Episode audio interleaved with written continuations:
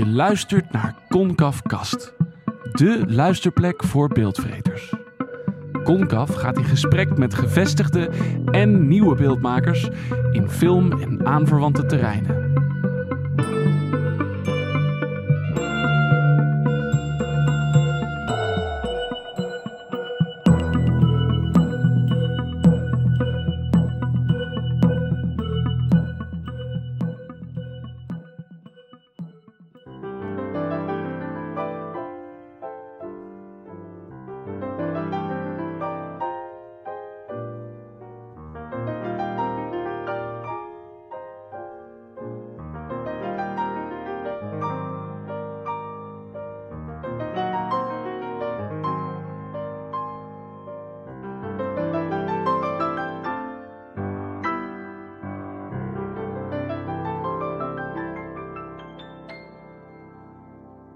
De muziek die u zojuist hoorde is van Daan van den Hurk en komt uit de bijzondere film The Brilliant Biograph.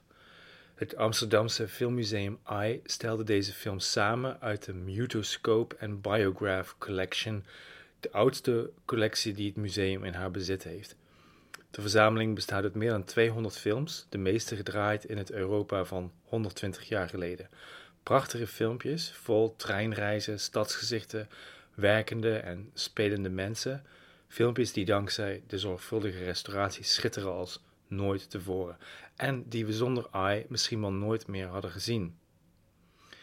En dat brengt me op het onderwerp van deze Concavecast.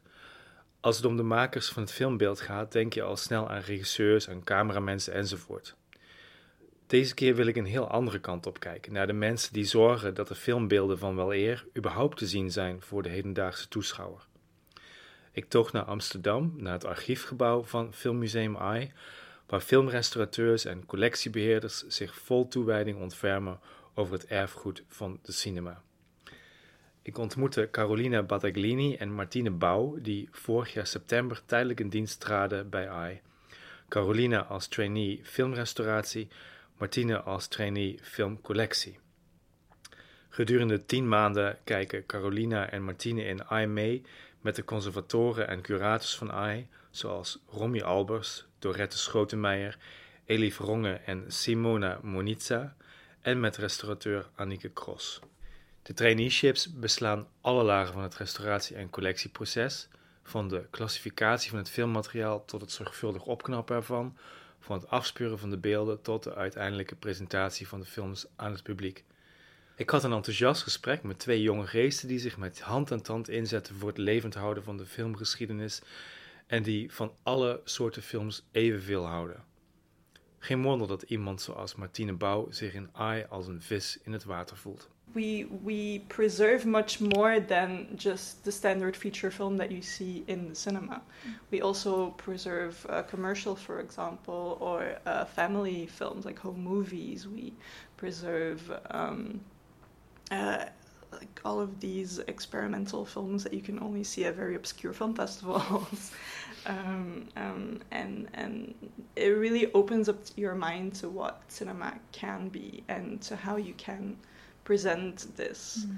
um, which I think is very, yeah, beautiful, very Mm. eye-opening. Martine Bouw studeerde filmwetenschappen en conservering in Antwerpen en Amsterdam.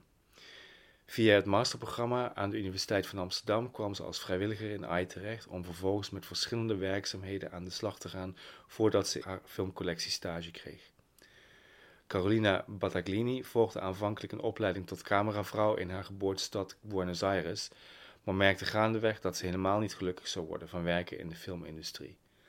Een studiegenoot wees haar op een opleiding tot filmrestaurateur in San Sebastián, Spanje, en toen ze over die opleiding las, wist ze, daar moet ik heen. It was a, such a good combinations of, of- combination of things that uh, I love that are like um, it's uh, the moving image just as it is something I love creatively and then there's for me uh, I see like a lot of politics in in involved in the sense of uh, like I think that it's a whole ideology to care about preserving history. So for me, that that only that statement is very heavy, um, like culturally and politically and ideologically. So I felt like, ah, and of course, there's like a lot of history involved, which I'm also interested in uh, learning because I, I'm not so knowledgeable, but I always I'm interested. Um, and it's also so and it's about the past the present and the future because everything has to be connected in archiving. Uh, and there's also lots of technical knowledge which i always want to be more um, yeah. So I, I, felt it was so ideal. So i i applied and i got in and uh, honestly the, the master was amazing and um, i learned a lot uh, and it's very broad uh, and Bij iemand die films restaureert stel ik me een persoon voor die in zijn eentje in het donker zit en heel traag de ene centimeter film naar de andere door de handen laat gaan om te zien welke spikkels verwijderd moeten worden, welke krasjes weggepoetst. Stelde Carolina zich ook zo'n monnikenwerk in het donker voor toen ze aan haar studie als filmrestaurateur begon? I was like, this is for me because exactly it's like those things that were not matching for me about the the production industry in the archiving. It was like, oh my god, yes, you're you're uh, in a quiet situation, not moving around, and looking at things. Mm-hmm. Uh, this sounds very recognizable. yeah. what what what do you what do you mean? Because like kind of my, well, not really my first steps into it, but the when I first got interested in the materiality of cinema, is when I um, when they introduced me to film projection when I was studying in Antwerp.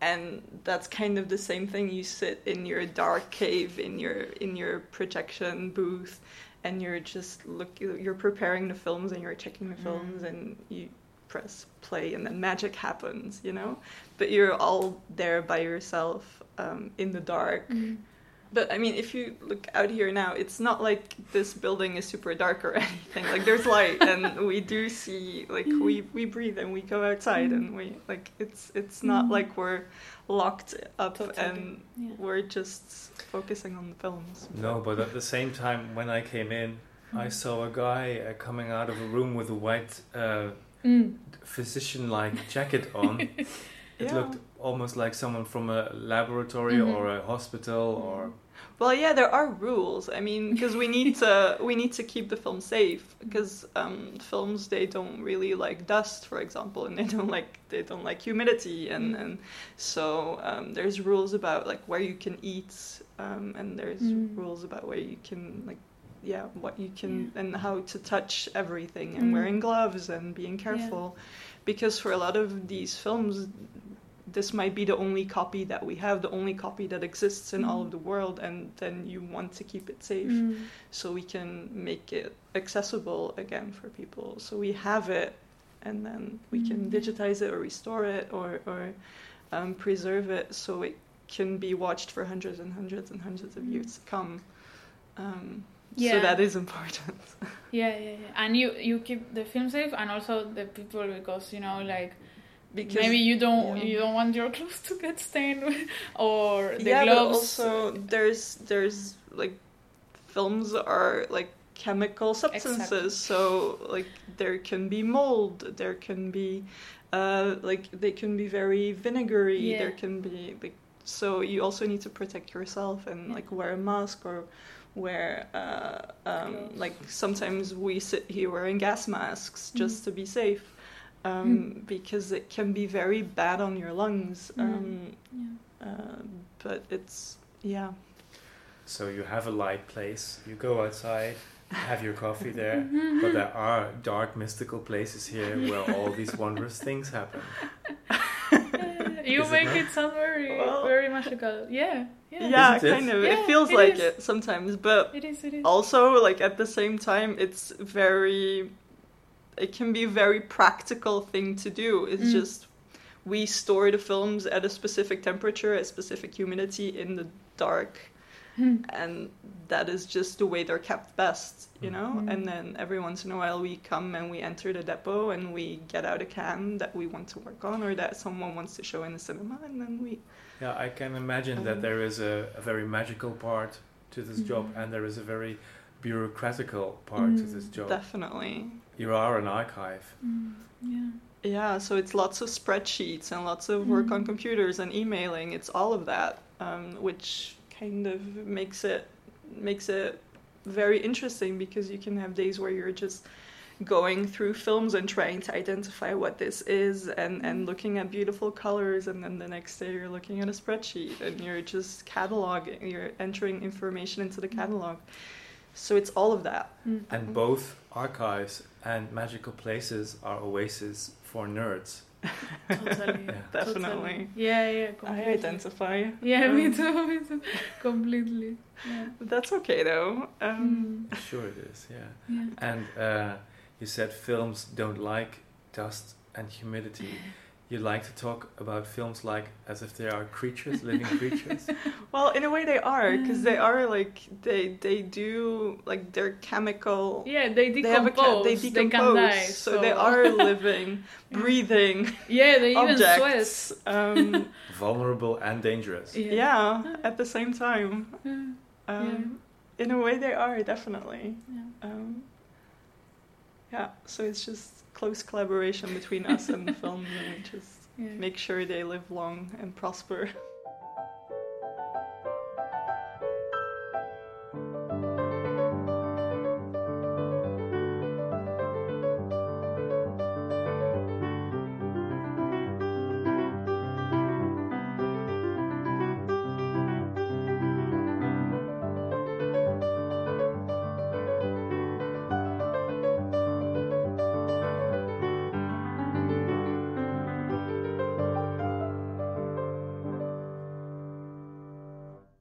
Kan iets heel magisch hebben, de restauratie van films die 100 jaar of ouder zijn. Soms kun je op dvd's en blu-rays van zulke films zien hoe ze er voor en na de restauratie uitzagen. En met de meest geavanceerde computerprogramma's worden als bij toverslag littekens, krassen en ouderdomsvlekken weggepoetst, waardoor de films er opeens kraakhelder en jeugdig uit gaan zien. Weg is het verval, zodat je bijna kunt vergeten dat je met hoogbejaarde films te maken hebt. Maar als filmrestaurateur kun je ook een heel ander pad kiezen dan zo'n radicale facelift, aldus Carolina Battaglini. what are you trying to achieve when you do the restoring? Maybe you can and want to really emulate what was seen uh, in the moment when the film went and went to the world, or maybe you want to really preserve how the film was trashed over the years. Uh, so there are different ways of doing it. Because with restoring, what I would think first would be removing all the scratches, removing all the Mm. dirt, removing Mm. all the spots and Mm. speckles, but that doesn't need to be. But not necessarily, Not no. There's different archives and different film labs who really who want to well, who choose to um, make a new version of the film, let's say, that is um, perfect for like contemporary audiences. That the picture looks really beautiful. There's no scratches anymore. You can just see the film in like high resolution um, as as audiences are expecting of current films, but you can also or, or of contemporary films, let's say, but you can also decide to um, uh, like you can also decide to restore a film um, where you only do the fixes that really are really necessary, like you stabilize the image so it's not so jumpy, and you you um, get a few scratches out or a few Mm. cables out or something, but still have the sense that this is an old film mm, and you're watching something that is part of history. mm, So there's different approaches and there's different ethics and there's different um, yeah different decisions that go into um, into the process depending on what you want to achieve. Do you want something that is perfect and that is beautiful and like is pristine, or do you not mind that it looks old because it is old? I think yeah, you shouldn't be afraid to have a scratchy image because because I don't know the the the approach I like to take is I I kind of trust the audience that they know and they can see right through this and they can Mm. appreciate it because it also gives them an extra context. It makes Mm. them understand that this is a material thing. Okay, it might be Mm. digital now or it might be restored now, but they can still understand the context and where the film is coming from, Mm. which I think is is important. Yeah. Um, Yeah, and if I if I think now of uh, films I saw, old films uh, where the restoration was not uh, uh, be was not that radical Mm. and really kept the uh, the age and the deterioration uh, in view, so to say, I always think it has a very nice poetic effect as well when you when someone suddenly turns into a, a cloud of whiteness and yeah. You think what is that person doing is it Mm. even a person you know and Uh-huh. it, your imagination also uh, can can be triggered by that Yeah, it kind of brings an extra layer of Uh-huh. of like something happened to this film, Mm. and sometimes depending on the type of decay, it can also bring an extra narrative layer. Like Mm. we, uh, yeah, wh- where like specific parts of the image are like you cannot see them anymore or something, and then it changes the story in a way. but then that happens. that, that's a nice uh, idea that I have now imagine yourself you're not you're not already uh, restorating films uh, Mhm. that will happen hopefully later on Yeah. for you in your career but imagine yourself sitting at the table and you see an image like the one I saw from a movie uh, Decasia by Bill Morrison you know Mhm. it I guess Mm. but uh, there there is a certain clip where you see a man boxing Mm. but he's boxing against a person you Against cannot see anymore. He- He's that that person is really like disappearing behind whiteness. Yeah. Imagine that you sit there behind the table and think, "Wow, that's a nice effect." Would that influence you in your restoring decisions? Mm, the thing is that uh, the thing is that uh, y- you're always working for a context, so it will depend on what I'm restoring this for. Um, uh, If you would be restoring it for posterity, for Well, I, I will for sure let let uh, what happened stay, and also it will be very complicated. Like some things you can't just invent. You know, if you have, you know, you, you can't invent the other uh, uh, boxer if he's not. if you don't have anything, uh, you could, but. Um, that would be highly problematic, probably. Um, yeah, yeah, ethically, and also the budget will go. Um, but um, Yeah, I mean, it, it depends. I mean, if you're like uh, the restorer for an American studio and you want Mm. to re release a very important film from the 70s or something, if you want to Mm. restore a taxi driver and you want to release it again in the cinema, then you're like, Mm. let's, let's. it has to be yeah, perfect. yeah, yeah, sure, of course. Make Robert this De Niro perfect. cannot disappear behind the cloud of nothing. Yeah. It's- That would be a problem, but for not- yeah. the Keja, they they were really looking for this kind of imagery and this kind of damage and really cherishing it and showing the beauty of it. Mm. and for for the film museum for Eye we're a film museum so we care about this materiality and we care about this Mm. historical aspect and we don't mind there to be scratches because it Mm. doesn't harm your viewing experience it might actually enhance it Yeah, completely. um, so it all depends on where you're coming from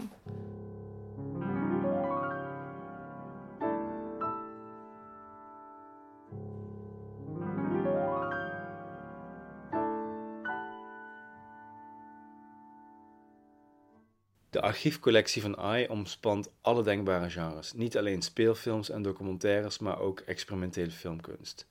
En niet alleen werken die je als eerste met film associeert, maar ook commercials en home movies. En voor die laatste categorie hebben zowel Martine Bouw als Carolina Batteglini een groot zwak.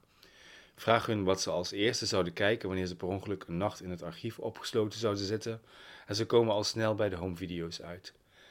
Eindeloos fascinerend vinden ze het, die vaak zo achterloos gedraaide filmpjes van gewone levens, waarin onbedoeld hele familiestructuren en ook de grotere geschiedenis doorschemeren. En het is helemaal niet vanzelfsprekend voor een filmarchief om zulke filmpjes überhaupt te archiveren. uh, archives can choose to be interested or not in material, and when they choose to preserve family archives. Uh, for me, it's such a pleasure because um, I see that they care about these stories that are not um, considered art, uh, and they don't need to be art to be important.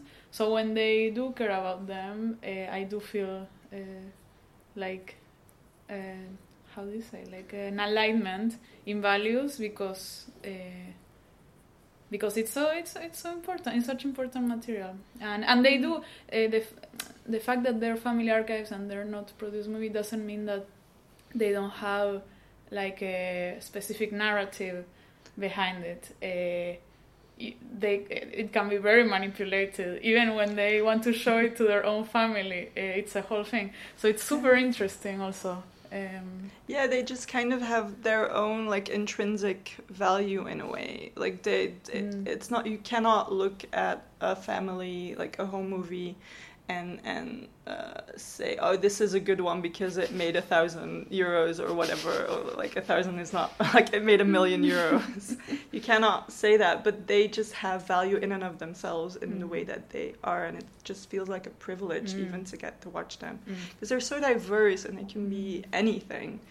Um, and I think what I love particularly about uh, the film museum and the way we work here at the archive is we do fo- well we i mean like the, the, the archive the people here they do focus on all of these um, films that aren't this stand like this this idea that people usually have of a film. Like we also have this um, thing called the bits and pieces. Mm-hmm. maybe you know it um, and it's just fragments of films that can be seconds or like a few minutes that we when we found them usually we didn't know what they were from which film they were um, but they were just beautiful mm. and then they just put them all together and showed them because they were beautiful and found a way to still give value to this film and share it with mm. audiences and and there's all these yeah weird little projects mm. that the archive does that kind of that that makes me feel like mm. we're doing something that mm. that matters. En of het ertoe doet. Filmrestaurateurs restaureren beelden die anders onzichtbaar zouden blijven en vergeten zouden worden. Collectiecuratoren zorgen dat die beelden vervolgens ook daadwerkelijk voor het publiek beschikbaar worden en bieden op die manier nieuwe perspectieven op de filmgeschiedenis. Perspectieven die zonder het werk van curatoren en conservators verloren zouden gaan. There's so much left to be discovered. It's incredible. Like there's so much like here in our vaults, in vaults everywhere across the world, and people don't know because they cannot see it and if it cannot be seen people will not write about it and if they don't write about it people cannot read about it so it kind of gets into this vicious circle what would be the first film now that you would people uh, would like people to see uh, for, from a female film, from a woman filmmaker that we haven't mm. seen or heard of? Romy, who's the uh, curator in charge of all of Dutch cinema, which is a lot, um, he asked me to work on a project uh, researching uh, female filmmakers at, in the 1970s and 80s. And the films you see are just incredible like all filmmakers you've never ever heard of because like uh, like like well or at least i never heard of i mean a lot of other people probably did hear about them but like uh, yvonne scholte or Hillie Molenaar or, or I, I didn't know who they were and i was watching these films and i was just astonished real uh, feature films no they're more um, like documentaries that they made on on um, like 16 millimeter.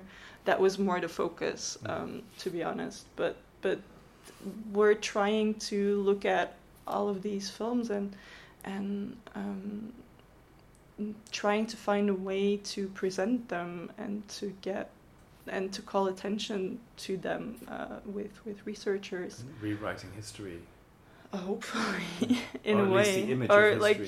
not, not not necessarily rewriting history but adding to mm. the history that is already there that's also the the beautiful thing i think um, with our final projects now is that um, I'm going to be looking into a film collective that uh, used to work in Amsterdam, and uh, one of the members of that film How collective, was it called? uh, Amsterdam Stadsjournaal.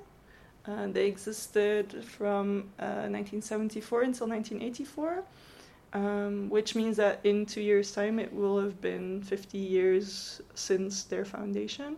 So we want to do something about it then, and I'm already kind of starting to prepare for it now. Um, so we can hopefully digitize material and, and but I'm still like starting on it now. But one of the filmmakers is Barbara den Uyl, and she's absolutely fascinating, made incredible films, and one of those films that she didn't make for the collective, but that she made right after Yeah, that is the year. film that um, that Carolina will be restoring as one part of her final project. Oh, and how is it called, and how, what approach will you have with restoring it? Eh, It's called Waar say the Dutch title, please? Waar de ratten koning zijn. Waar de ratten koning zijn. It's a uh, these films like uh, so. Actually, we both saw these images at the first time because Simona was showing it to us, uh, the copies we have here, and um, the film is uh, it follows a, a group of uh, part of the squatters movement in the 85 and all the different problems they have with authorities and also some like day to day register which is super interesting. Um, and we're still beginning we just uh, confirm that we don't have more material than what we thought. So now we can uh, like the next step is uh, sitting with simona and who is the curator uh, in charge of this collection um, and Anike, the restorer, and thinking of a specific plan to to follow with the restoration. Yeah. And also think of uh, ways to share it after, uh, where also Martine you know. And do you think this will be more a preserving kind of restoration, or Mm. one where you will clean up the whole image and make it more contemporary, so to say? Mm, uh, I mean,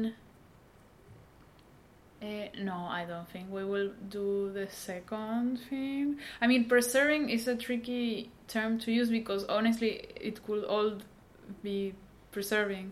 Um, but uh, no, I think that uh, we won't want to make it like into a pristine image.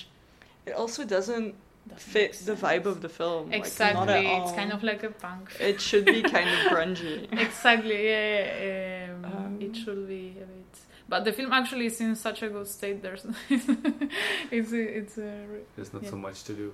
uh, uh, yeah it's not terribly you know um, kept it's quite good uh, so we'll yeah we'll see what we can do with that And when will this be shown? But you don't know yet. we don't know. Where and how. that's the thing Yeah. we don't know I mean, for me, the end goal of, of my final project, because that's kind of how I set it up, is that in 2024 we will do something about the Amsterdam Stadsjournaal, and I'm gonna do research into it now, and I'm gonna look at the copies that we have, and uh, the copies that are uh, at the Stadsarchief here in Amsterdam, and the uh, copies that are at Sound and Vision, because it's kind of all spread around and kind of do an inventory and see what we have, see what we can do with it, and write a presentation plan and a preservation plan.